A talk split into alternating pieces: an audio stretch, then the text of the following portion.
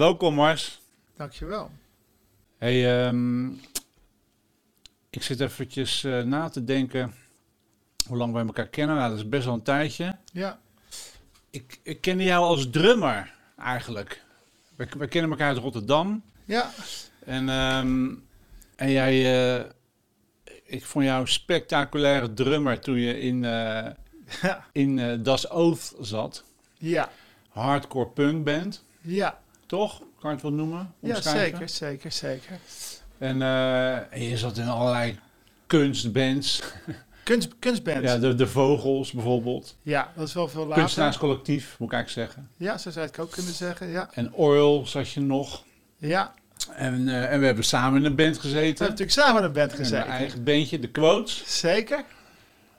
In dit hok In dit hok. hebben we geoefend. Alles komt weer bij elkaar. Precies. Ik weet nog precies de dag dat wij elkaar ontmoet hebben. De eerste keer dat wij gesproken hebben was in Waterfront.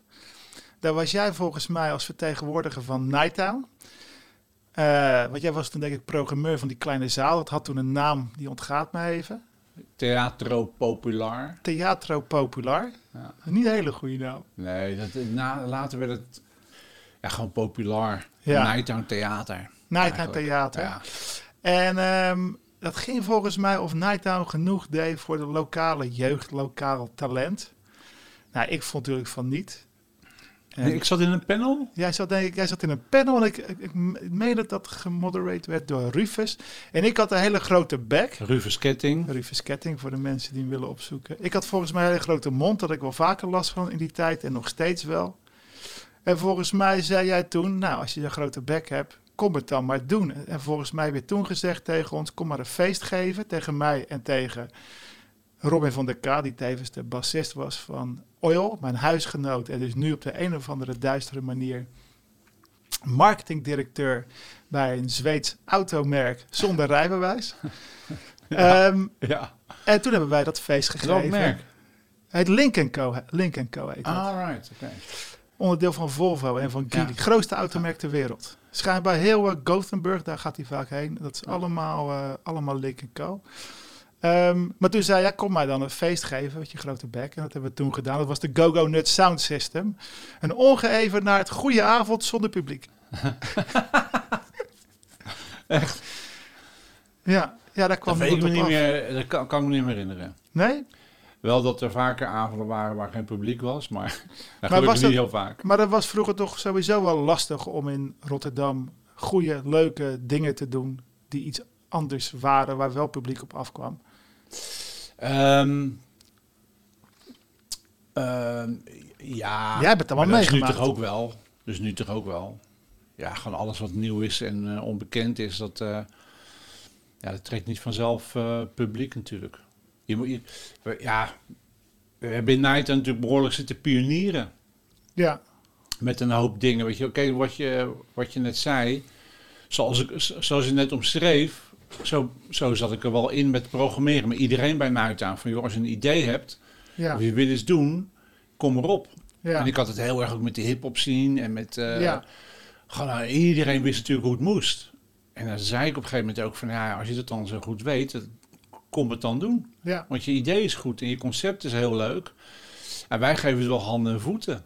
ja. Dus Mikey Redman, die eh, ook eh, vrij bekend hier in de stad, die, eh, ja, die was 16, die wilde een feestje geven. Maar die zei ook echt van, ik weet niet hoe dat moet, kan je me helpen? Ja, dat vond ik zo gaaf. Dan wil je gelijk met zo iemand dat doen. En hoe heb je hem toen geholpen? Nou, niet. Uiteindelijk heeft hij gewoon, ja, gewoon je maakt een, een prijsafspraakje en je helpt hem met de promotie. Maar dat is gewoon wat je normaal al doet.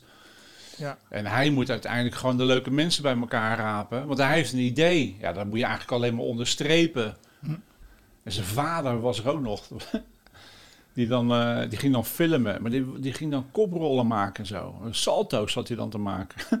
zijn vader ja, ging salto's ja, ja, dat maken. deed hij een paar keer omdat hij dat kon. Wauw. Maar dat was helemaal geen show verder.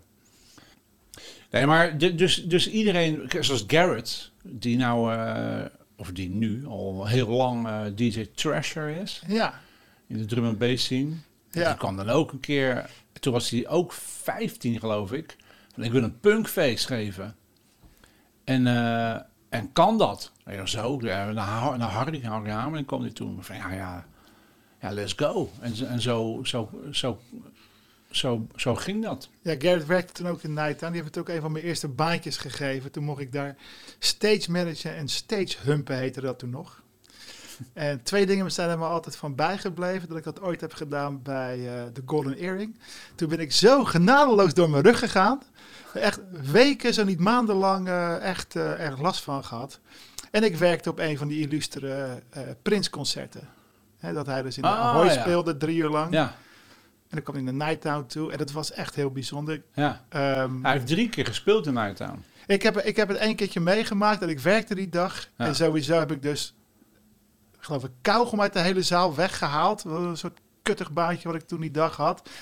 De kleine zaal, ofwel populair, werd ingericht als eh, backstage frame. Want dan ging hij ook nog even een tijdje jammen.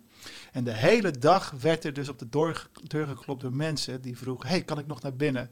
en ook door vrouwen die dus insinueerden dat ze daarvoor iets wilden doen. Ik was eh, denk ik 19 of 20 jaar oud en edge, dus ik snapte dat allemaal niet.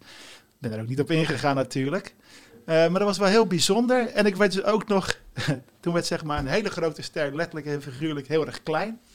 Ik zit een gegeven moment zit ik daar in die backstage en een van die eh rodies die komt naar me toe en die vraagt aan mij, mag ik hier blowen?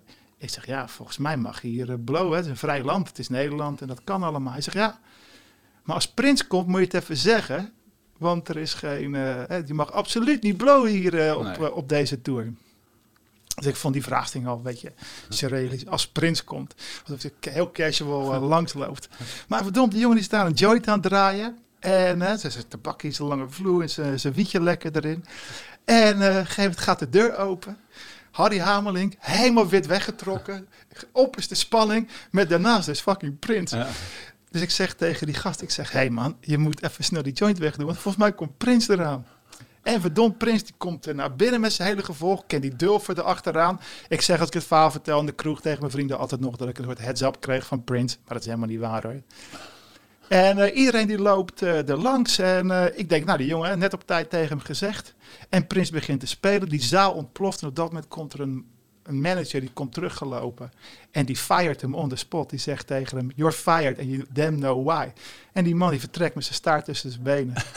en die werd volgens mij van de tour afgegooid. ja, echt hè. Ja. Ja. Ja. Heel bizar. Dat, nou, sowieso dat Prins op een halve meter van je afloopt. Ja. Best wel bijzonder. Ja, heel bizar. Ik, ja. ik heb een keer de afterparty geregeld. In de basement van Nighttown voor Prins. Wat Had kan hij hij dus- dan doen? Kan hij dansen? Hij wilde een feestje geven. En, eh, en wat hij had gespeeld in die grote zaal. Dat was geloof ik zijn derde keer dat hij daar speelde. Toen deed hij bijna geen enkel... Hij heeft geen enkele hit gespeeld. Hij ging alleen maar echt alleen maar eh, Santana shit spelen. Weet je, gewoon Echt? gitaarsolo's van 20 minuten en weet ik het wat al. Hij wilde gewoon jammen en, en, en, Ja. eh, en, en, en spelen.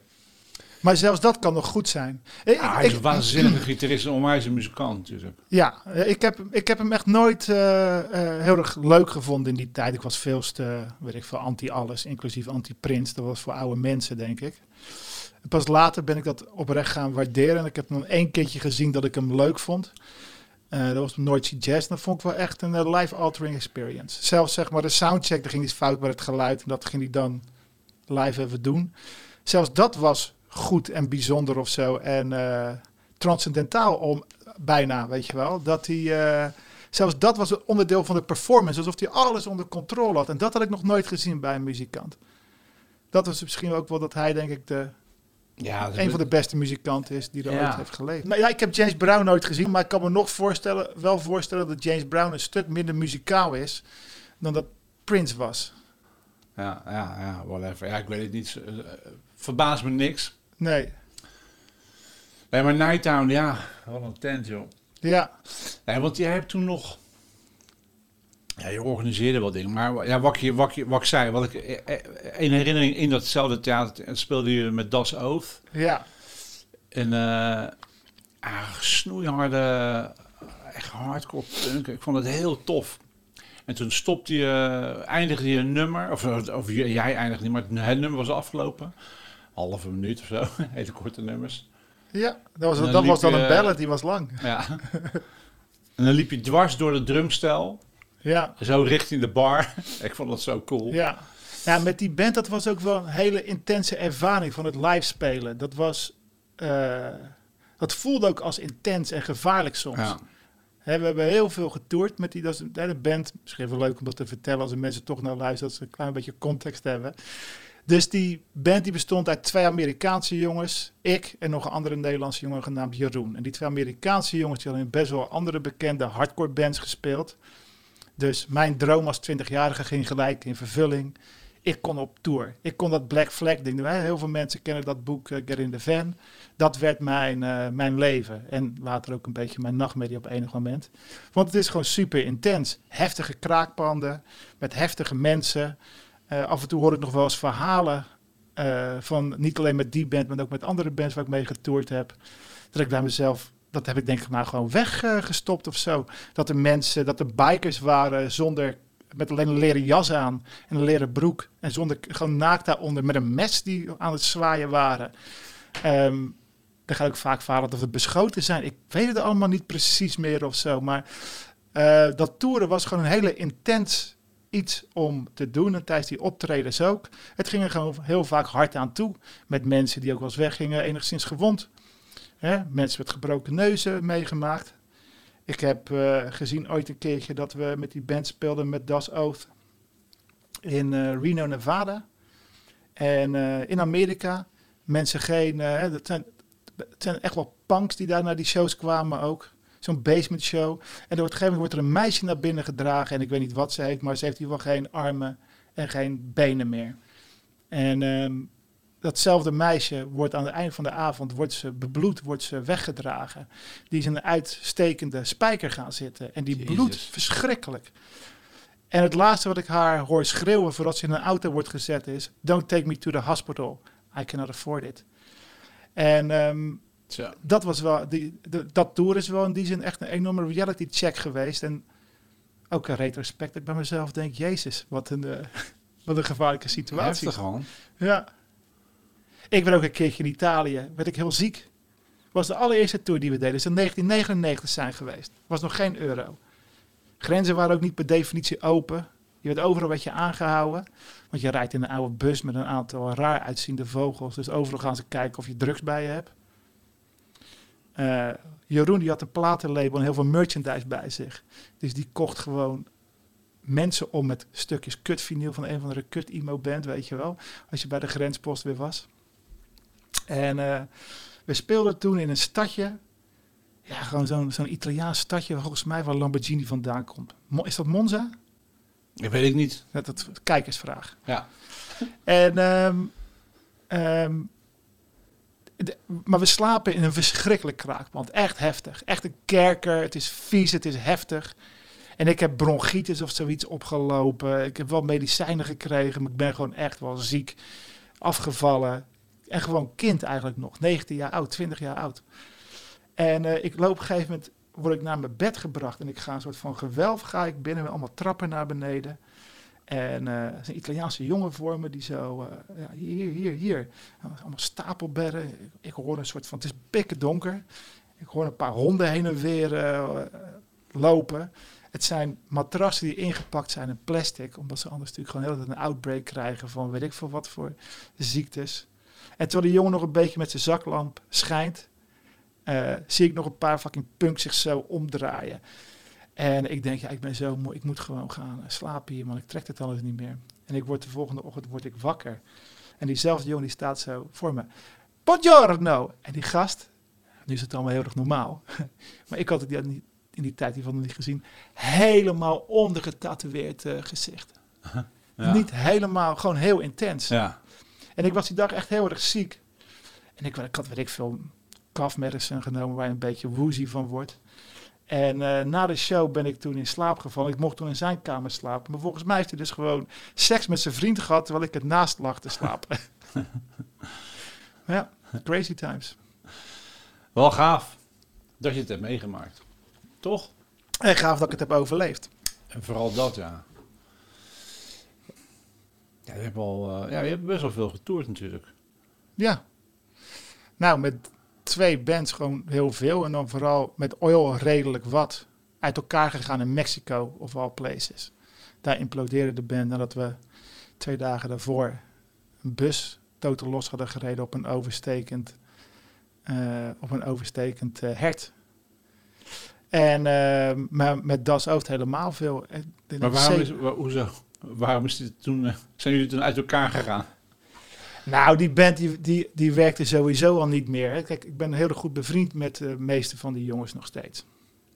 Alleen als band opereerde niet. Er waren gewoon hele jonge mensen die niet helemaal wisten hoe ze met hun emoties met om moesten gaan en niet hoe ze met elkaar om moesten gaan. En het is gewoon zo'n eh, pressure cooker als je in zo'n eh, eh, zo'n busje zit. Een aantal weken met elkaar. Maar ook als je eh, gewoon met elkaar probeert dat ding naar voren te krijgen. Die band naar voren te krijgen. Dan ontstaan er heel erg veel irritaties. En die kunnen, worden niet uitgesproken. En dan helpt het inderdaad niet dat je op enig moment eh, een bus totaal losrijdt. En twee dagen later met heel veel moeite nog in Mexico speelt waar dan helemaal niemand is. En eh, ja, die band had gewoon zijn langste tijd eh, gehad. Mm. Maar daar wel veel mee getoerd. Maar ik denk met Das Oost dat ik ge- gegeven wel eens maar een keertje 150 shows in een jaar gedaan. Echt, joh? Ja, Dat is echt heel veel. ja, ja. Maar dat was, ja, dat, dat deden we toen. Ja, ja. Tof hoor. Hebben jullie nou ook een keer, jullie hebben ook nog wel eens een keer een plaat gemaakt. Hebben jullie toch... Ik weet niet. Ga je het vragen over dat sperma? Ja. Echt waar? Jij vroeg mij over eh, de illustere, die illustere plaat van Das Oath. Ja, met vies artwork. Vies artwork. Nou, er was sowieso heel veel vies artwork. Er was ook artwork met eh, transgender porno. We hadden merchandise, dat waren dildo's. Die gebrand waren als Das Oath. Wat heel marketing af van de letter eigenlijk. en, eh, maar waar jij aan refereert is dus eh, de Camshot Edition. Oh ja, ja. Eh 50 stuks in een gelimiteerde hoes. Want we waren allemaal zo ontzettend goed in. Althans, ik niet zozeer hoor, maar vooral de zanger van die band. Waarbij eh, over een eh, groot aantal van die hoezen de bandleden hun business hebben gedaan. Ik overigens niet. Nee, dat zei je toen inderdaad. Ja, mensen geloven dat niet, maar ik vond dat toch wel een beetje ver gaan. Maar eh, ja, ze bestaan. en eh, op enig moment waren ze eBay Gold, de Cum- Cumshot Edition. Ja, gekke, ja. Het was, eh, die, kijk, wat ze Holy interessant is aan die, eh, aan die eh, mensen verzamelen dat. Ja. We waren echt zo'n band. Mensen daar waren denk ik heel erg daar into. Maar ook alles wat het vertegenwoordigde. En of dat nou ging over een soort spelen met seksualiteit. En de artwork wat daarmee eh, gepaard ging. Maar ook gewoon de verzamelwoede die werd gecreëerd door alle verschillende kleuren vinyl. Verschillende hoezen. Echt, op een gegeven moment werd bijna ba- per optreden werd er wel weer een gelimiteerde hoes ontworpen. En mensen verzamelden dat. Ik luisterde Ja. toevallig vanochtend een podcast met eh, de oude bassist van Slapshot. Slapshot, Boston hardcore band. ja. En die man die schijnt een of andere soort marketing guru te zijn eh, geworden later. En eh, eh, hij legt bijvoorbeeld ook het concept uit van NFT's. hè, Non-fungible tokens over dat hè, waarde voor Ja. digitale producten. Ja. En hoe mensen dat heel erg raar vinden. Maar is het veel raarder, zegt hij, dat je dus ontzettend veel geld betaalt voor een gelimiteerde editie van een vinylplaat. Ja, mensen willen gewoon iets verzamelen. Mensen willen iets verzamelen wat, een, wat binnen een groep een bepaalde Ja. waarde heeft. Ja, ja. En te denken dat het alleen analoog mag zijn, is denk ik is erg beperkend. En dat vindt hij sowieso heel erg. Ja. En daar ben ik het wel mee eens. Ja, ja, nee, ik snap het. Hey, want over marketing gesproken, want eh, toen ik eh, met jou in de, in, de, in de quote zat, ja, toen merkte ik ook wel aan jou, je hebt, je hebt gewoon een, een goede, ik ben niet, ja, je, hebt, je hebt een goede talk, zeg maar. ja, Je kan, eh, je kan gewoon lullen, je kan verkopen, heel erg. Je kan, Ja. je kan eh, en ehm, wat ik wel mooi vond, dat we, want ik, ik begon die band op 38ste, weet je wel. echt Ja. Ik, toen- ik- grappig. ik het, was een beetje, het was een beetje jouw bucketlist ding, toch? Om die band te beginnen. Nou ja, ik, ik, ik, ik, ik heb daar wel heel lang mee gewacht inderdaad. Maar gewoon onzekerheid. Nooit, eh, nooit naar buiten gegaan met liedjes, eh, eh, liedjes schrijven en dat soort dingen. Nooit laten horen.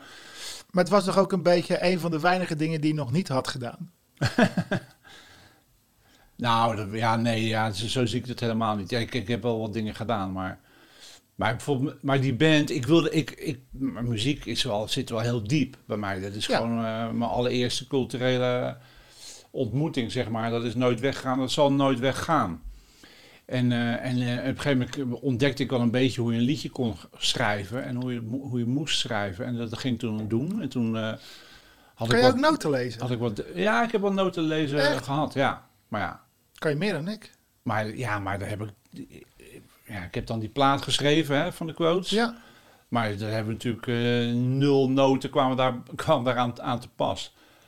Ik heb natuurlijk alles gewoon natuurlijk, eh, noem je dat, fonetisch.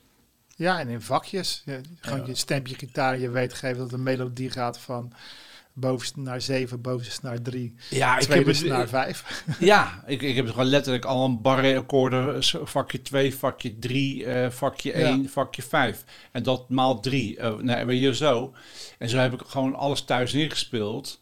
En, en behalve de drums. Dat heb ik met een drumcomputer gedaan. Ja, Dus ja, dus in, in die oefenruimte waar we echt, as we speak, zijn, ja. toen ja, ging ik naar jou toe van ja, je, het toe, kan je dat? Ja, je maar dat kon helemaal niet. Want jij programmeerde alles voor een drummer met, met vier met vijf armen. handen. ja, dat was, het was iets te complex inderdaad. Maar, maar, maar goed, dus, dus hebben we heel veel compromissen gesloten en dat ging hartstikke goed. En je bent Ja. een waanzinnige drummer, dus daar, daar kwamen waanzinnige drumpartijen kwamen er ook uit voort natuurlijk. Maar kijk, ik was niet, ik werkte achter de schermen. En ik, Ja. wa- ik was niet eh, van plan om een muzikant te worden of zo. Voor zover ik überhaupt het talent zou hebben. Want ik kan een beetje zingen, een beetje liedjes schrijven, maar eh, ben er niet super goed in of zo. Maar dat geldt toch voor de meeste mensen die in zo'n band gaan spelen. Het is Ja. gewoon een ding wat je graag wil doen. Ja, Althans, als ik, Ja. hoe ik het interpreteer in jouw geval. Je bent gewoon een enorm fan van bepaalde muziek, van bepaalde bands. En je- dat wil je ook graag doen op je eigen manier. ja, ja. Ik wilde dat wel echt doen, maar dan wil ik het ook wel serieus doen. Dus als je een plaat maakt, vind ik, dan ben je het publiek wat verschuldigd. Dus dan moet je ook dat, je moet je gewoon gaan spelen. Je moet, eh, en busjes en sjouwen met spullen. En dat hele ding gaan doen. Nou, dat hebben, we- dat hebben we ook wel gedaan. We hebben Ja. 30 shows gedaan of zo. Hebben we 30 shows bij elkaar Ja, gedaan? 30 bij elkaar, ja. Ja, toch nog wel. Ja. Dat is best wel veel. Ja, Zo- toch wel. Zoveel? Ja, maar Ik uiteindelijk, weet je het kwam? Kijk, we, uiteindelijk wilde ik dit een jaar doen. Hm. En dan na dat jaar eh, eh, was gewoon klaar. En daar hadden we nog een idee voor. Daarvoor kwam ik erop. Over de, over, eh, daarvoor wilde ik jou eigenlijk introduceren als marketeer. Als marketeer, ja. Toen hadden we, had- voor mij had jij dat bedacht. Van dan maken we een klok. Want we hadden toen MySpace. Hm. En dan maken we een klok. En die tikt af naar, van 365 naar 0. Ja, En, eh, maar als het publiek. En dan op die laatste dag zouden we dan onze laatste show spelen. Maar als je als publiek ons echt leuk vond, kon je met een klik een minuut Ja. leven eh, bijklikken. ja. En dat hebben we toen aangekondigd bij de VPRO. Ja, dat hebben we toen hebben we dat gepresenteerd in de Oostpoort bij Noorderslag. Nee. Ja? nee Ja, bij- daar- volgens mij op de radio bij de VPRO Ja, in, de- interview. ja, in de week van de democratie, notabene. Ja, In dat de week van de nog. Democratie? in de week van de democratie. Bij Erik Corton speelden we in Club Lek, geloof ik. Ik speelden denk we het. live. Maar die snapte er niks van. Die keek ons aan alsof we gek waren geworden. Ja, ja Erik eh, die ging ons interviewen inderdaad. Maar daar hebben we dat toen, toen aangekondigd inderdaad. Wat een heel, ik vond een heel ludiek ding natuurlijk. Alleen Ja. er waren een paar, een paar debielen die gingen dat ding kraken. Toen zouden we nog een paar jaar door moeten spelen. Ja, Maar ja. goed. Maar weet je waar ik dat vandaan had? Nou, Eh, van Lost. En ik ben toevallig die serie weer aan het kijken. alright. Sowieso is het echt grappig. Die serie was toch vroeger wel een beetje gezien als iets van, van waarde. En ja, er zitten allemaal filosofische vraagstukken zitten erin. Ja. Ja. Het is fucking een kinderserie. Het is te dom voor woorden. Het is super platte karakters. Eh, de ene persoon wordt gemarteld door iemand anders, maar dan zijn ze alweer een dag later zijn ze dat vergeten, gaan ze weer verder lekker op avontuur. Ehm, maar op enig moment in die serie, ik bedoel, het is 15 jaar geleden, dus het kan geen spoiler alert, toch? Ehm, op enig moment vinden ze dus een of andere klok die naar beneden tikt.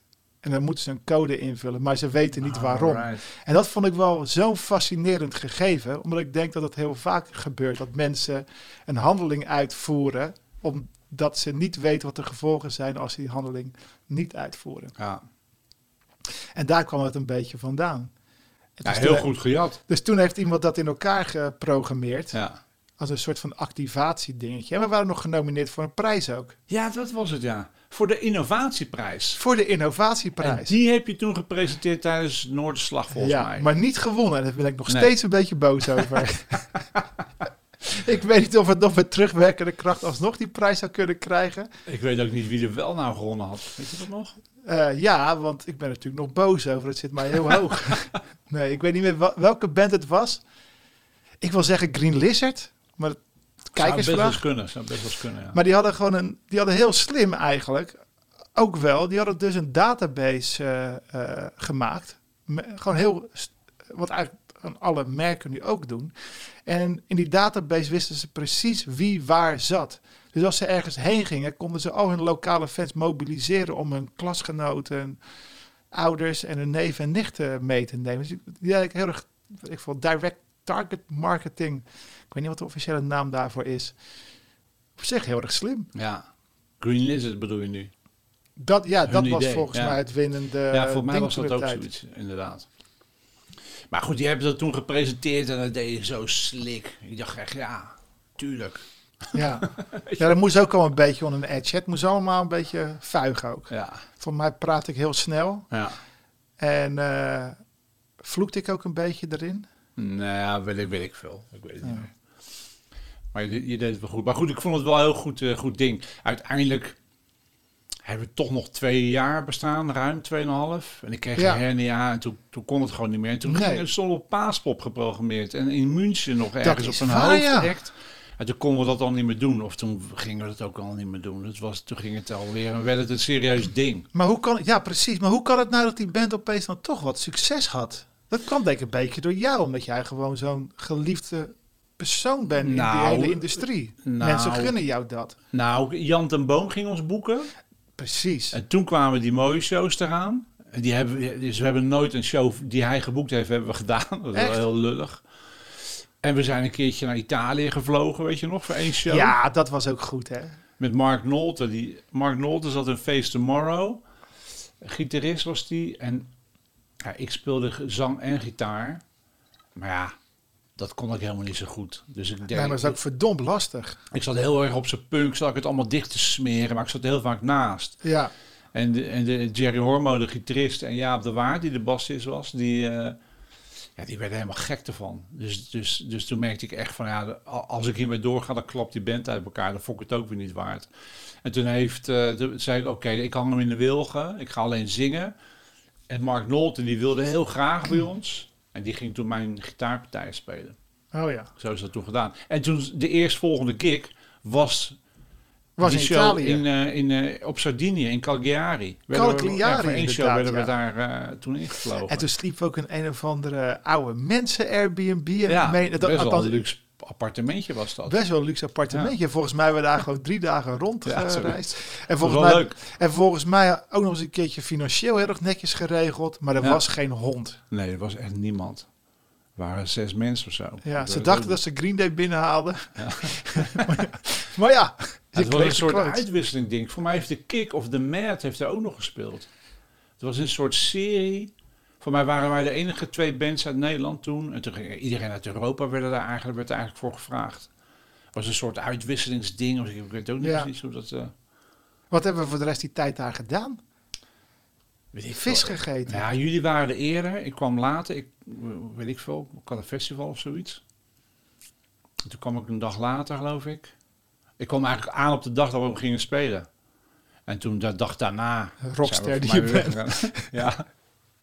Heb je het uiteindelijk gewoon... eh, is, heb je alles gedaan wat je ermee wou doen? Of heb je... Ja, zeker. Ik was er hartstikke trots op. Kijk, als je, als, je, als je een liedje gaat schrijven, je hebt geen idee of mensen dat leuk vinden.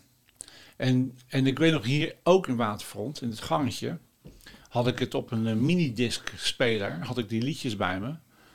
En, eh, en die liet ik zo eh, aan Jij eh, was aan inderdaad Jerry. gewoon, ja, jij was gewoon hier zieltjes aan te winnen, Ja, muzikantenzieltjes. ik was weer, ja, precies. nee, ik heb een plaat geschreven. Wat vind je van dit nummer? Nou ja, ik liet gewoon horen wat, wat je er wel vinden. En, die- en Jerry vond het eigenlijk wel tof. En Jerry zat in de Apers. En die, die, die, had, die, die had ook wel... eh, ja, dat is een serieuze muzikant, vond ik dat.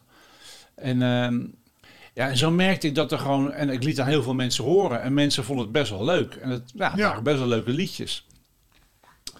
En, eh, en ja, toen zo hebben we met meerdere mensen heb ik, heb ik eh, een bandje proberen te vormen. Uiteindelijk is dit eruit gekomen met jou Ja. en, eh, en Jerry en, en, en Jaap.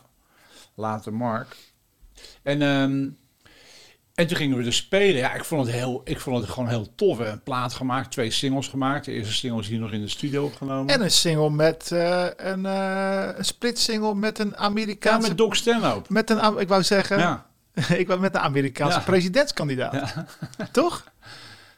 Nee. Ja, hij is toch. Oh, hij, is dat- volgens ja. mij is, heeft hij ja niet serieus. Ik bedoel, hij was geen real contender, maar volgens mij was Hij hij, was wel er verkiesbaar bezig, voor. eh, Klopt, ja. en volgens mij was het ook niet helemaal niet serieus, toch? Nee, ja, ik heb, hem, ik heb hem niet later zo intens gevolgd. Maar we hebben het over 2007, 2008. En, en ja, toen vond ik Doc Stanhope heel tof. Ik, ik, Vond. Ja, nu wat minder, maar... maar Wat is er veranderd? Is hij trouwens die gasten die grap maakte over Fugazi? Nee, dat is Todd Barry. Todd Barry. Ja. Six dollars for a show. You can hear the drummer thinking, six dollars. What about seven dollars? Because that one extra dollar equals me not having a fucking roommate anymore. Ja, more than 40. ja. Todd Barry was dat, ja. Nee, Doc Stanhope, die, eh, daar hebben we, hebben toen een single mee gemaakt. Want ik vond het heel tof. En dus een split single inderdaad. En Ja. met die eerste single had ik ook altijd een link met comedy. Want toen heb ik, weet je nog, die mass-produced single. Ja, Toen had ik een inlay erin gemaakt. En toen heb ik, er zijn duizend van geprint en eh, handgenummerd. En in die inlay, op die inlay stonden duizend verschillende jokes. Dus per single een andere one-liner. Wist je dat? dat is waar, ja. Daar staat me nu iets van bij. Maar heb ben sowieso daar duizend singles. Ik, Wie ja. de fuck verkoopt het? Ja, Hoeveel heb je er nog over? Ja, duizend. nee, we hebben veel. Dat staat natuurlijk helemaal nergens op. Je, je moet eigenlijk 300 verkopen, maar dat was toen, eh, weet ik veel. Ik had er helemaal geen verstand van. Het was gewoon goedkoop relatief gezien om er duizend te persen. Maar ja, die raak je natuurlijk nooit kwijt. Nee, ze verleiden je. hè? Ja. Het is een beetje twee voor één Ja, principe. Nee, maar er zijn er nu, er zijn er nu toch al. Voor mij zijn ze wel bijna, bijna wel op hoor. Maar maakt niet uit. Maar ik had dus duizend verschillende one-liners verzameld. Ja. Dus elke single had een unieke one-liner. Dat is echt niet normaal. En voor mij heb ik zelfs nog een tijd. Ik heb nog een tijd bijgehouden. Wie welke single heeft gekregen. Echt? ja. Dus dan zou ik ook weten wie dan welke one-liner heeft. Ik- Ja, precies. Maar wat, Wat eh, je daarmee opschiet, ik ben je een beetje OCD dat je dat soort dingen bijhoudt? ja, dat bedenk ik me dus. Voor Ja. mij heb ik dat allemaal. Waarom? Ik heb me daar nooit voor laten testen, maar ik denk echt dat ik dat heb, ja. Ja, op zich natuurlijk wel ook heel erg... eh, het mooie volgens mij van dat soort eh, DIY-releases is dat je dat soort dingen kan doen. Het is geen massaproduct. Ironisch genoeg, omdat de single heet mass-produced. ja. Maar dat je het juist probeert te personaliseren door die, eh, door die one-liners erop te zetten.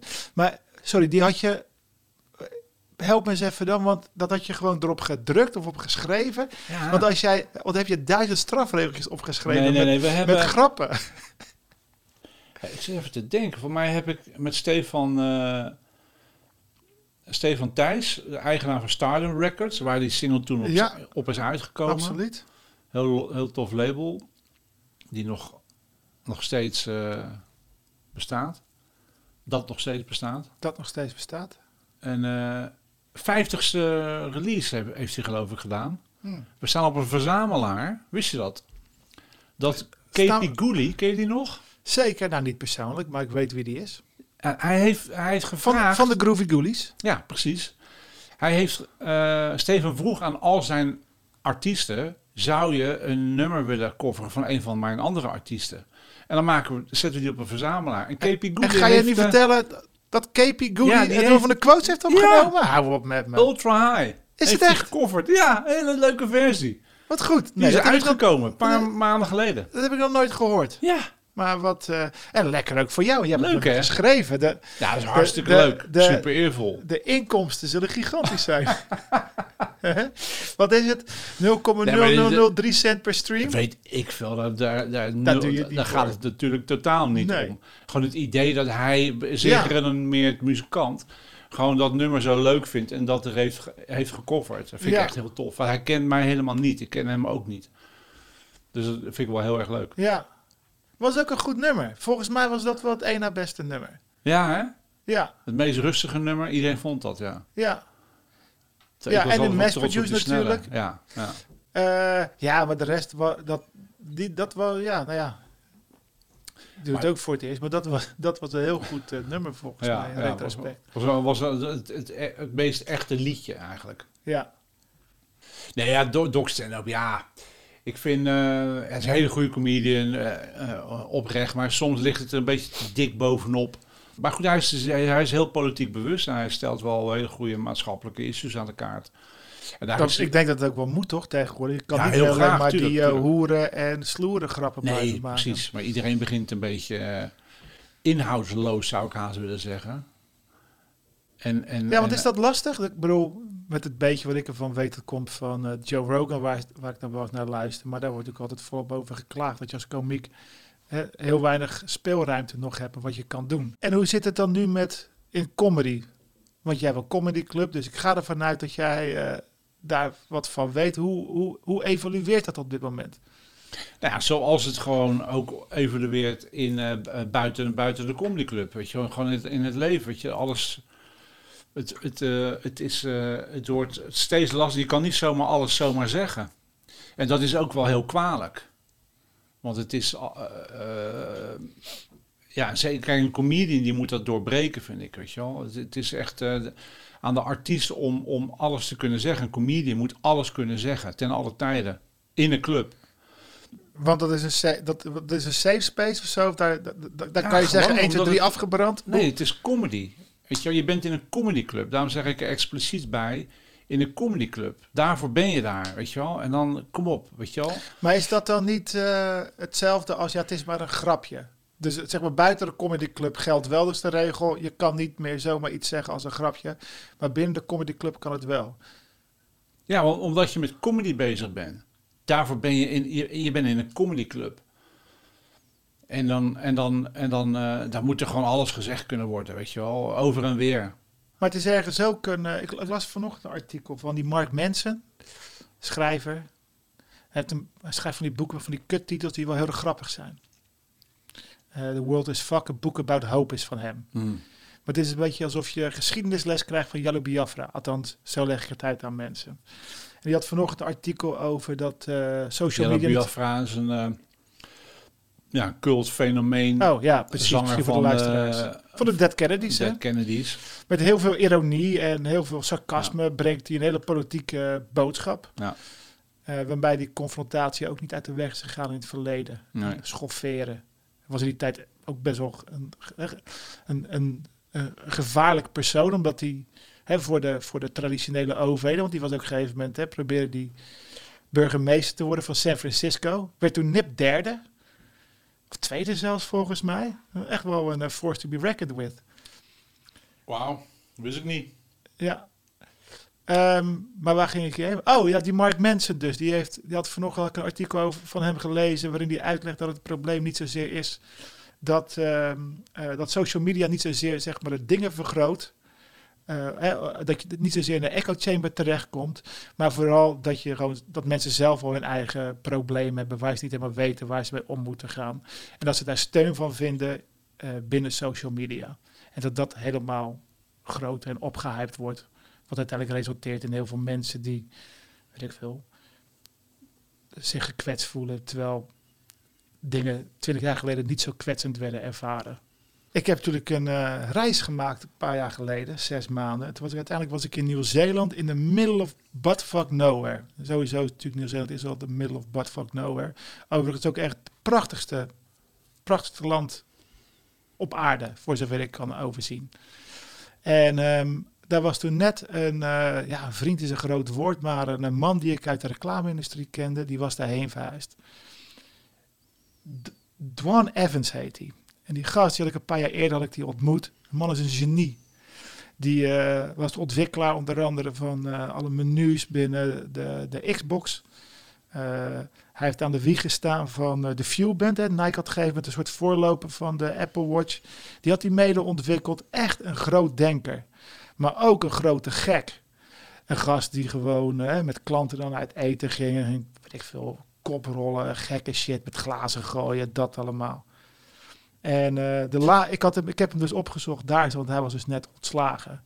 En ook in de vergelijkbare situatie, dat eigenlijk zijn gedrag van de afgelopen twintig jaar in één keer werd afgekeurd. Als in, het werd eigenlijk al die tijd werd het goedgekeurd, maar de tijd was veranderd. Alleen hij, kon daar, hij mocht daar niet meer in mee in die nieuwe tijd. En eh, die was toen een uh, eco-resort begonnen. om een beetje hetzelfde te blijven. Ja, ja. Ik vond het wel leuk om, om, eh, om die comedy te combineren met muziek. Dat weet ik nog steeds. Muziek en comedy. Die werelden zijn nog te ver uit geweest. elkaar. Dat is natuurlijk ook je carrière geweest bij, uh, bij is Laat ook.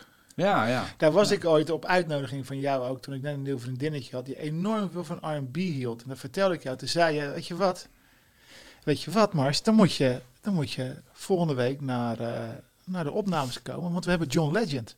Oh, right. Nou, jongen. Dus ik, ik met mijn toenmalige vriendinnetje naar uh, daarheen. Ik heb een verrassing voor je. En John Legend was het. En die kreeg toen ook een uh, gouden plaat.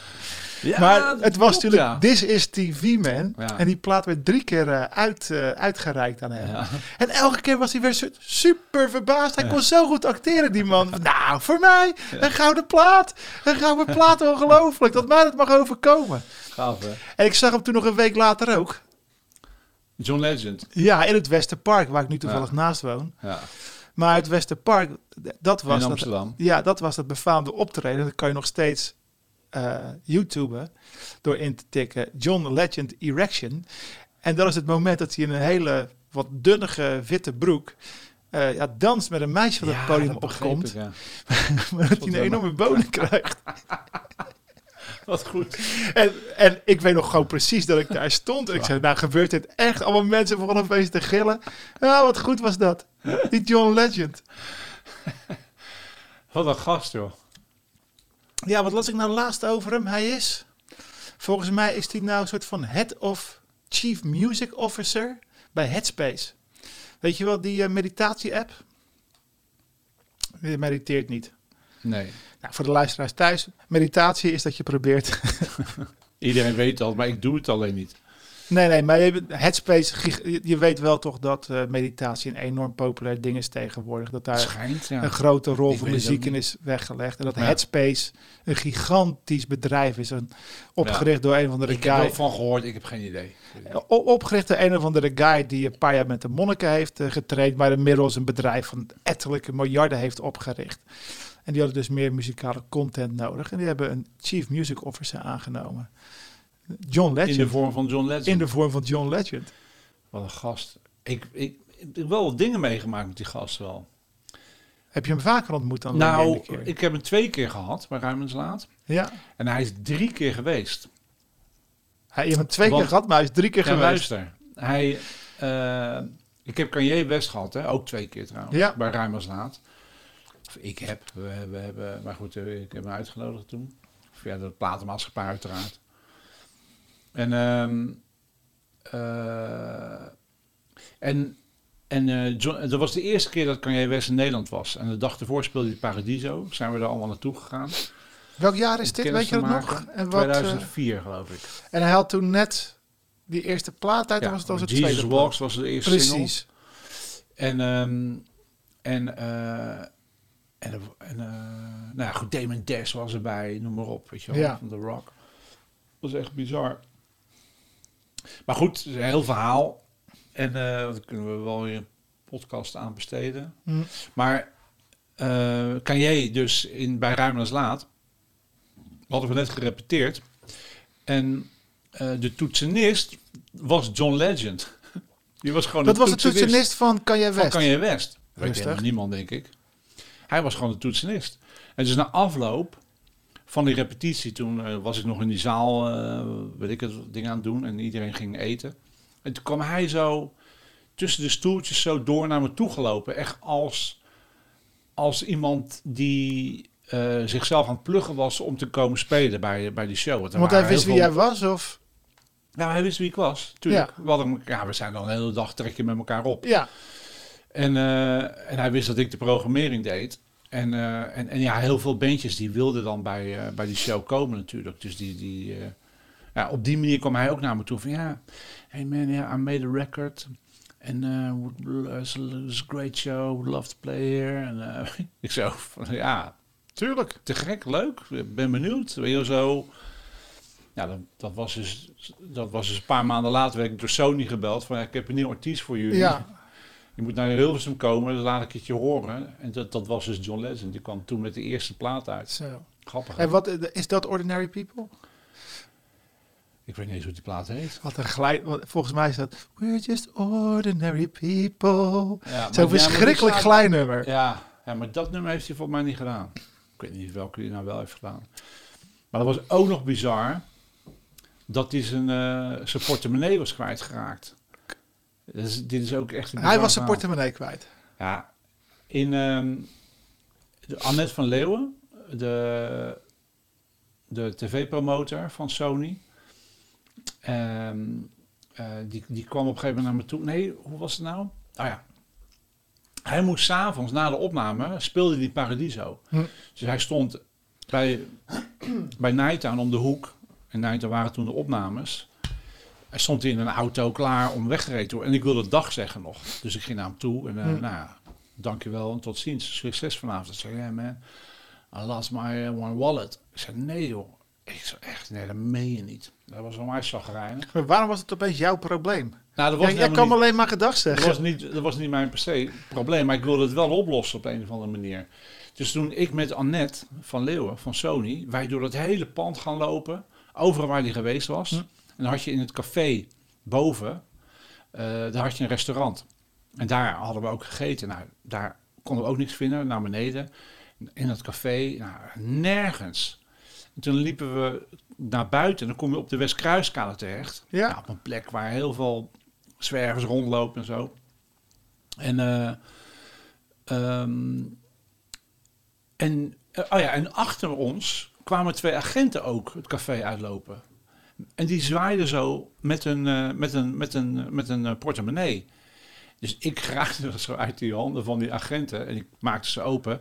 Allemaal gold card, platinum card, J-Legend, J-Legends. Nou, dat is hem. Hij heet ook gewoon John Legend. Ja, ja. Dus Hoe kan je geef- nou gewoon geboren zijn Ja. als legend? Ja, weet ik ook niet. Ja, ja, kennelijk is dat zo. Maar goed, kaarten, J-Legend, J-Legend. En hij, eh, ik zei, nou, dat is hem. Dus ik geef het aan Annette. En Annette die, die gaat gelijk naar hem toe en die geeft dat. Dus ik naar die agenten. Hoe, eh, hoe, hoe is het gegaan? Hij zegt, nou, eh, er is een, dus een kerel die heeft die portemonnee op straat gevonden. En die heeft dat bij ons eh, afgeleverd. Op het politiebureau. Ik zei, nou, dat is heel bizar. Maar wat zo bizar is, dat het op die plek... Want ik weet nog heel goed waar het gebeurde. Hij kwam aan voor de deur bij Nighttown Hm. met allemaal mensen en had een hele lange jas bij zich. Die sloeg hij zo over zijn arm. En kennelijk is hij daar toen eruit gevallen. Maar niemand had dat door. Ja, omdat er allemaal mensen en toestanden omheen liepen.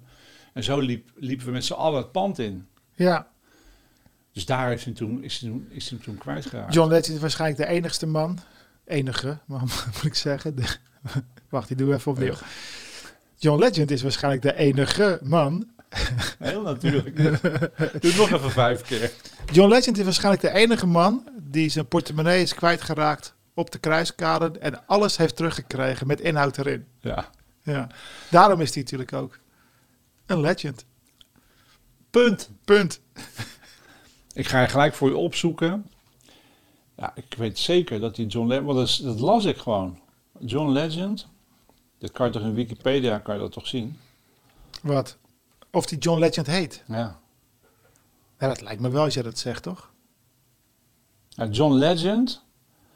Pseudoniem van John Roger Stevens. Ja, precies. Hij heet helemaal geen John Legend. Maar hoe krijg je dat nou op je goldcard? Ja, ja, ja, dat vraag ik me dus ook af. Ik zou bijna even iemand bellen die bij Mastercard Maar ja, werkt. je kan toch ook je bedrijfsnaam erop zetten? Oh ja, tuurlijk. John Legend BV. Ja. Ja, John Ja. Roger Stevens. Maar dat stond er duidelijk niet. Whatever. Heb je ook een hoop bravoer als je gewoon je, je artiestennaam een legend is? Ja, hè? Toch? Ja, Moet je maar durven. ja. Heel bizar. Ik zei, ja.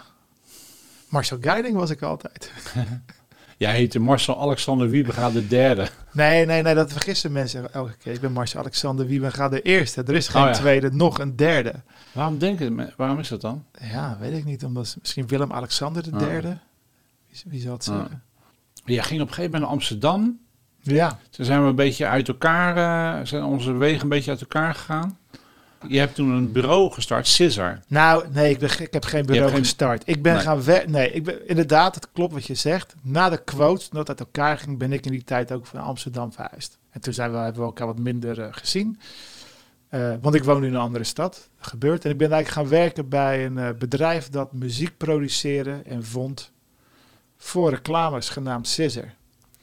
En eh, daar heb ik tien jaar gewerkt. In eerste instantie was ik eh, sa- sales, salesjongen, de Ja, boebel op. want je kan verkopen. Want ik kan verkopen. Dat heb je wel gemerkt toen ik eh, hè, in, het- in het verleden. En, ehm, eh, maar en uiteindelijk ben ik daar partner geworden en ben ik strategy director om dus daadwerkelijk een richting aan het bedrijf te geven. En dat was wel een hele bizarre tijd. Dat toen ik daar begon, zat dat bedrijf ergens achteraf op een industrieterrein. En toen ik wegging, zaten we op eh, midden in het centrum, eh, Brouwersgracht in Amsterdam. 20 man eh, personeel in, in Amsterdam en nog een kantoor net geopend in, in Berlijn, waar twee, drie mensen zaten ook in die tijd. En ambities om ook nog een kantoor in New York te openen. We waren gewoon een van de grotere spelers in de wereld als het gaat om het ja, koppelen van muziek aan, aan, aan reclames. En waren daar, waren daar nog...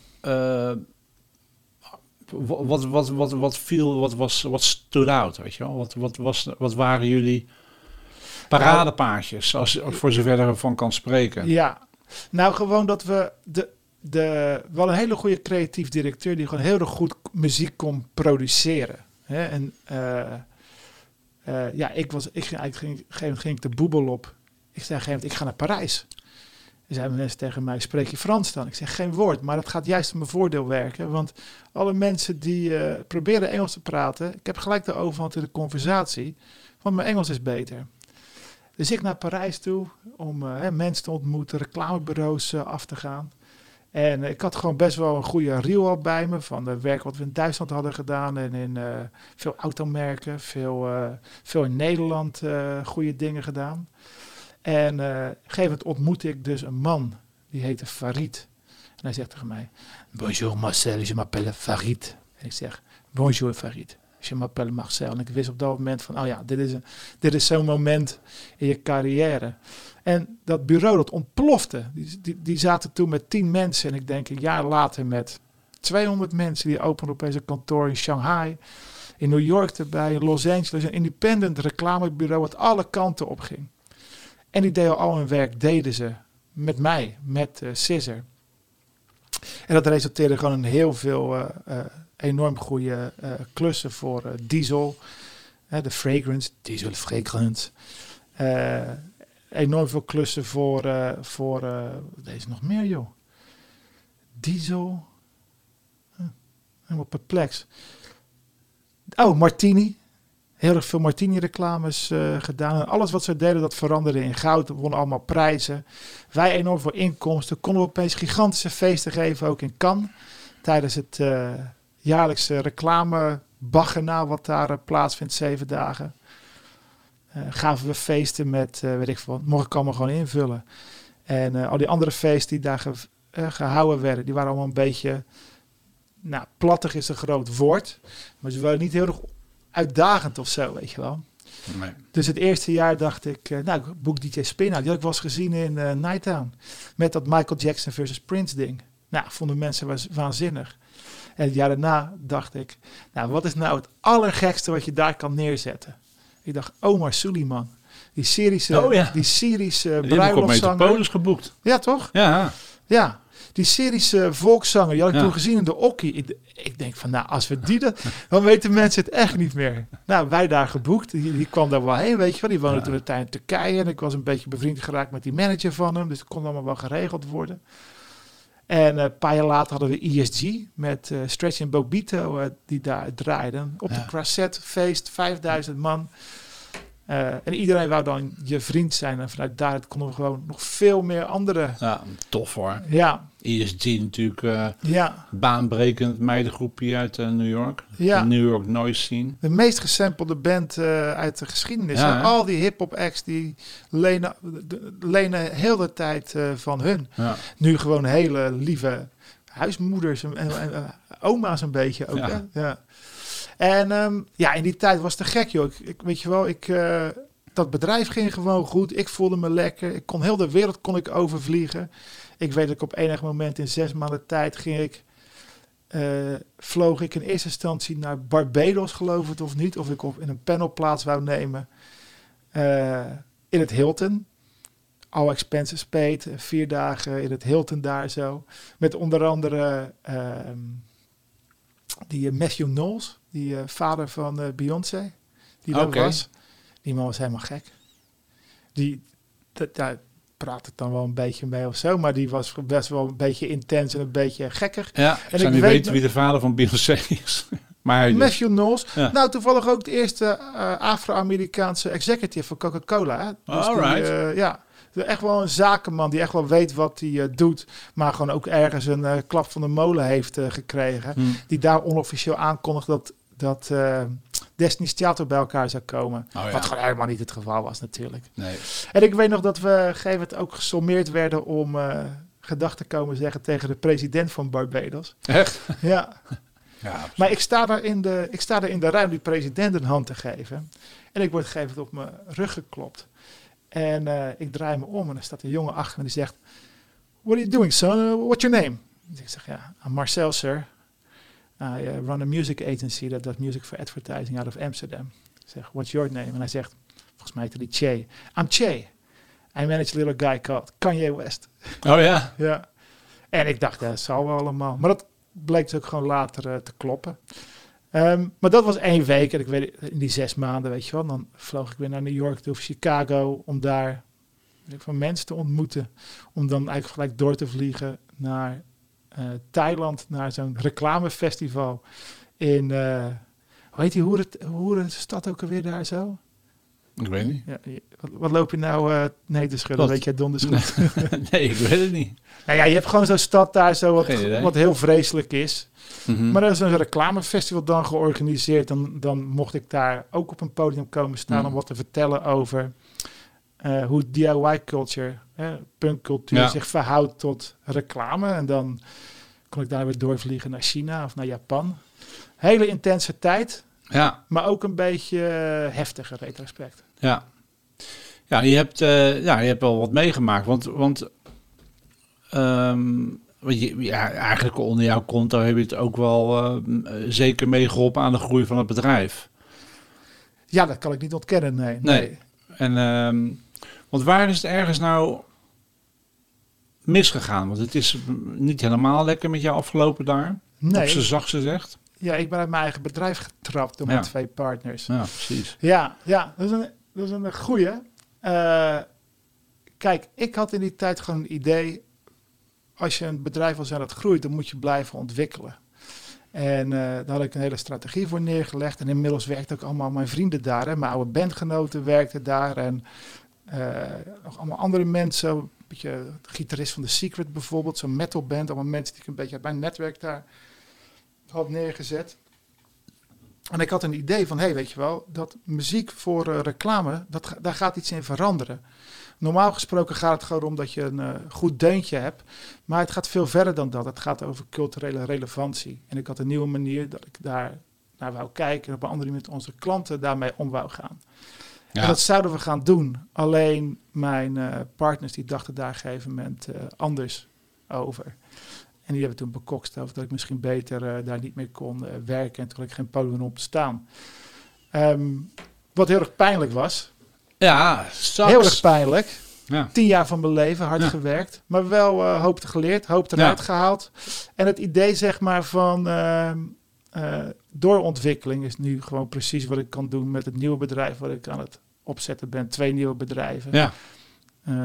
Eentje is een databedrijf wat het licenseren van muziek moet optimaliseren, genaamd Ringo. Een beetje zoals Tesla vernoemd is naar de man die, de elektriciteit heeft uitgevonden, maar er nooit de recognition voor heeft gekregen.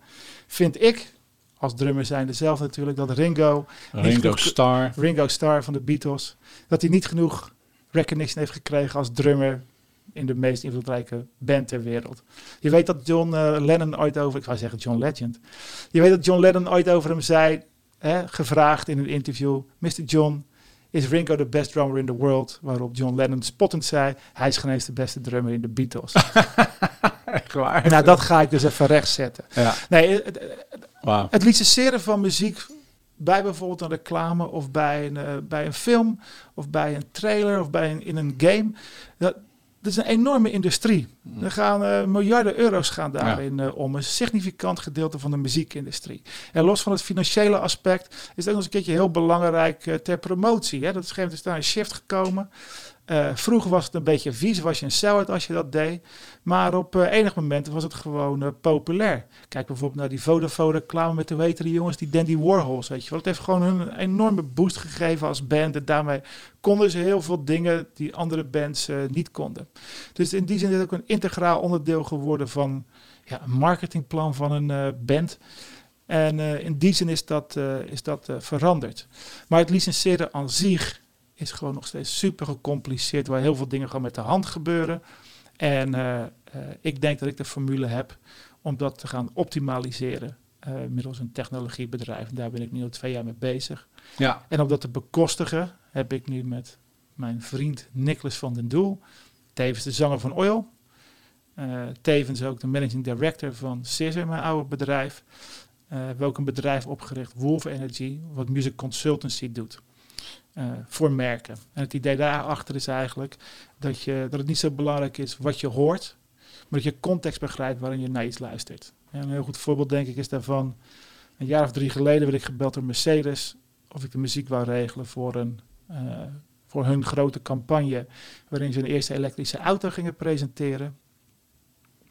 En eh, ik krijg dat script binnen en ik krijg een muziekbriefing. En die muziekbriefing is, we zijn enorm geïnspireerd door het optreden van Beyoncé op Coachella. Wat niet zo vreemd is, want iedereen was op dat moment Ja, enorm geïnspireerd dat door het waanzinnig. dat was waanzinnig. Maar het was tevens doordrenkt van eh, een historische context die begint bij eh, de, de, de Civil War, hè, de, de burgeroorlog in Amerika. Waarbij de Noorderlingen, daar mogen eh, Afro-Amerikanen, die zitten in dat leger, maar ze zijn niet gelijk, dus ze mogen geen wapens hebben. Dus daar begint die, die marching bands, die beginnen Ja. daar. En dat blijft doorspekt door die hele geschiedenis en dat komt ten uiting eh, op die performance. Dus voor een merk wat eh, Mercedes is, om gewoon te zeggen, nou dat willen wij ook wel, dat toe-eigenen. Ja. Dat volgens mij is dat gewoon niet goed. En Nee. dat be- wat bedrijf wat ik nu aan het doen ben, wil heel erg graag de context geven, eh, context geven over muziek. En eh, zoals we plachten te zeggen, we praten niet over muziek als we het over muziek hebben. We hebben het over cultuur, we hebben het over design, we kunnen het hebben over architectuur. Om uiteindelijk context te geven waarin je, van waaruit je een beslissing kan nemen. Ja, Ja, toch? ja. Nee, maar dat is een goede, een goede, een goede uitleg. Om bijvoorbeeld ook te... eh, Maar kijk, bijvoorbeeld, nou ja, maar kijk, die, ehm, wat jullie dan zeggen, ja, Beyoncé, natuurlijk Coachella, heel tof. Je bedoelt eigenlijk van, ja, je kan, dat willen wij ook, zegt Mercedes dan. ja, Maar dat... neem maar ehm, een paar drums op, maar dat is het niet. Nee, nee, nee. Nee. Want, kijk, maar ja, je snapt natuurlijk wel waarom ze overtuigd zijn van wat ze zagen. Tuurlijk. Het is gewoon, het is natuurlijk, als je, als je de hele geschiedenis loslaat, is het ook nog eens een keertje gewoon spektakel, eh, entertainment en eh, bombast. Op positieve. ja, maar je kan de geschiedenis niet loslaten. Dat is een andere voorbeeld Nee, maar, maar, maar, maar, maar, hoe, hoe eh, willen zij dan die geschiedenis er ook bij? Of, nou, dat is een interessante. Ik had het hier, ik was laatst was ik ergens. of willen, ze het, willen ze het verhaal erbij? Willen ze, willen ze per se de, de, de boodschap meenemen in hun reclameuiting? Nee, ze willen niet die boodschap meenemen. Ze willen gewoon het bombastische. Ja, dat zeg ik. Maar, ja. dit- maar, maar, maar het vraagstuk is, kan je dat zeg maar zomaar toe-eigenen? ja. En dat is sowieso een interessante natuurlijk. Ik moet af en toe ik wel eens denken aan die keer dat ik op tv aan het zeppen was. En toen was de vrienden van Amstel Live waren op televisie. En toen was die band ehm, Direct. Met die band uit Utrecht, hoe heet ze ook alweer? Direct speelt daar in ieder geval. En die spelen in principe op een reclame-evenement, toch? De Vrienden van Amstel Live is een reclame-evenement. Ja, ja. En die spelen vervolgens spelen ze dus een cover van uh, Race Against the Machine, Bullet in the Head. En ik vind het zo uh, bizar. Ik denk wel eens over, ja, wat, hoe, hoe werkt dat nou eigenlijk? En wat kan je verwachten? Je bent een muzikant, je schrijft een nummer. Hè? Uh, in dit geval Bullet in the Head, een nummer tegen oppressie. Een nummer tegen politiegeweld. En dat, dat zet je in de wereld. Maar vanaf dat moment kunnen mensen ook denken van, dit is een lekkere partybanger. Hier ga ik even hartstikke goed op. En kan het zelfs uiteindelijk op televisie bij een gesponsord evenement voor een biermerk in het grootste, gezelligste café van uh, Nederland gereduceerd ja. worden tot een lekker Hubson-nummer. En is dat een probleem? Nou ja, dat zegt natuurlijk ook heel veel over het publiek. Want het is gewoon, heel veel mensen denken helemaal niet na bij wat ze horen. Ze horen gewoon een lekker tunetje, weet je wel, een lekker nee. nummertje. Nou, dat is precies wat merken in principe vaak ook niet doen. Nee. En wat ik graag voor wil zorgen, kijk, ik kan geen beslissingen nemen. Ik kan niet bepalen hoe iemand zijn geld uh, uh, spendeert. Maar het is wel mijn rol om misschien die context te geven. En dat er iemand in zo'n vergadering uiteindelijk zijn vinger opsteekt en zegt: hey, snappen waarom dit werkt. Of wat het doel hiervan is, of wat de gevolgen hiervan zijn. Maar er is ook een andere kant van het verhaal wat gehoord zou moeten worden. Ja, dat, ja. interessant. En zijn er geen betere alternatieven? Ja. Waar het om gaat is denk ik dat dit een gesponsord evenement is. Kan Bavaria, of uh, sorry, uh, Amstel in dit geval, uh, die band dat nummer laten spelen, dat uitzenden in het grootste, gezelligste door Amstel gesponsorde ja. café. Dus het is meer een filosofisch vraagstuk, denk ik. Welke rechten heb je nog als maker op het moment dat je iets in de wereld, in de wereld neerlegt? Kijk, als jij Donald Trump bent, en jij gebruikt Born in the USA van Bruce Springsteen, dan krijg je de dag daarna krijg je een telefoontje van meneer, ik denk de advocaten van, niet van Bruce Springsteen zelf, maar van de advocaten van Bruce Springsteen, met de vraag van, hey, wil je dat alsjeblieft niet meer doen, want we zijn het niet eens met jullie boodschap. Ja. Dus daar zit, ja. zit daar ergens zit daar ja. een spanningsveld. ik heb hetzelfde ook met, um, eigenlijk recent met uh, nummer van Nina Simone. Dat nummer um, um, uh, I Got Life. Iemand draaide recent voor mij zo'n versie die ze live doet. Super uh, rauw, mm. heel donker. En eerlijk gezegd, ik ken dat nummer voornamelijk als een vitamine C reclame voor appelsientje. Maar ik ken eigenlijk alleen maar het hoopgedeelte. Maar dat eerste gedeelte van alle pijn en alle ellende die ze, die ze beschrijft. De pijn van generaties van uh, mensen. Er wordt heel casually daar uitgeknipt. En uh, wat je eigenlijk ziet is dat er een...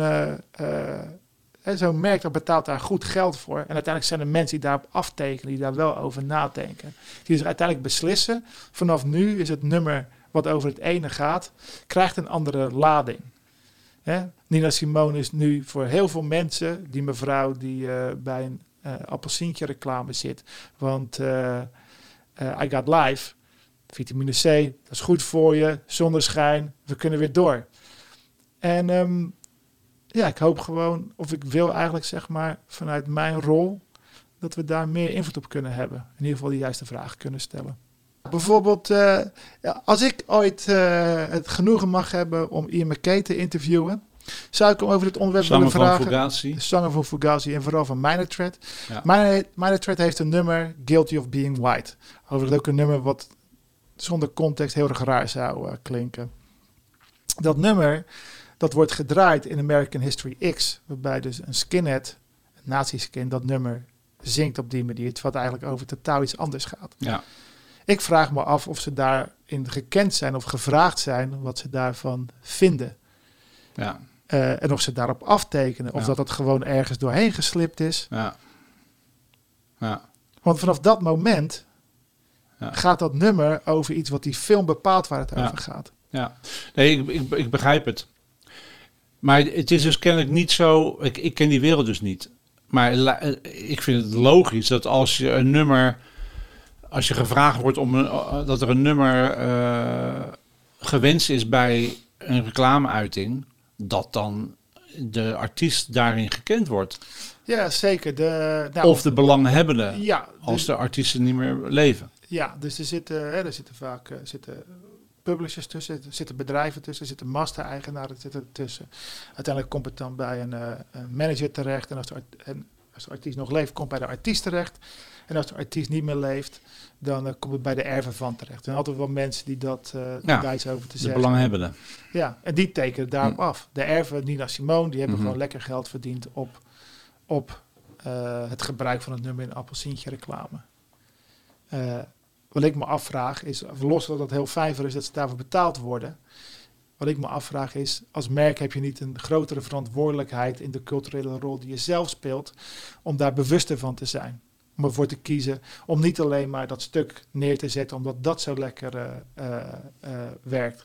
En op die manier een gedeelde geschiedenis te kadreren tot iets wat voor jou op dat moment goed werkt. Ja, Zonder dat ik daar per definitie een eh, mening over heb. ja, Het ja. enige wat ik graag wil hebben is een eh, gesprek en een. eh, zie ik mijn rol om daar een gesprek over op te starten en bewustzijn daarover te creëren. ja, En te kijken naar eventuele alternatieven. ja, ja, precies. Ja.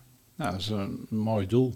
Dat is een mooi doel, hè? Ja, Consultancy, ja. strategy, Hoe gaat het bedrijf heten? Wolf Energy. Wel, had je net al gezegd. Ja, had ik net al gezegd. Wolf Energy komt van het feit dat iemand tegen me zei: Jij hebt die Wolf Energy. Ja, het gaat over een beetje een lone wolf die eh stoïcijns probeert een doel te behalen. Maar vooral zie ik een wolfpack voor me uiteindelijk dat het bedrijf kan doorgroeien als een soort maatschap.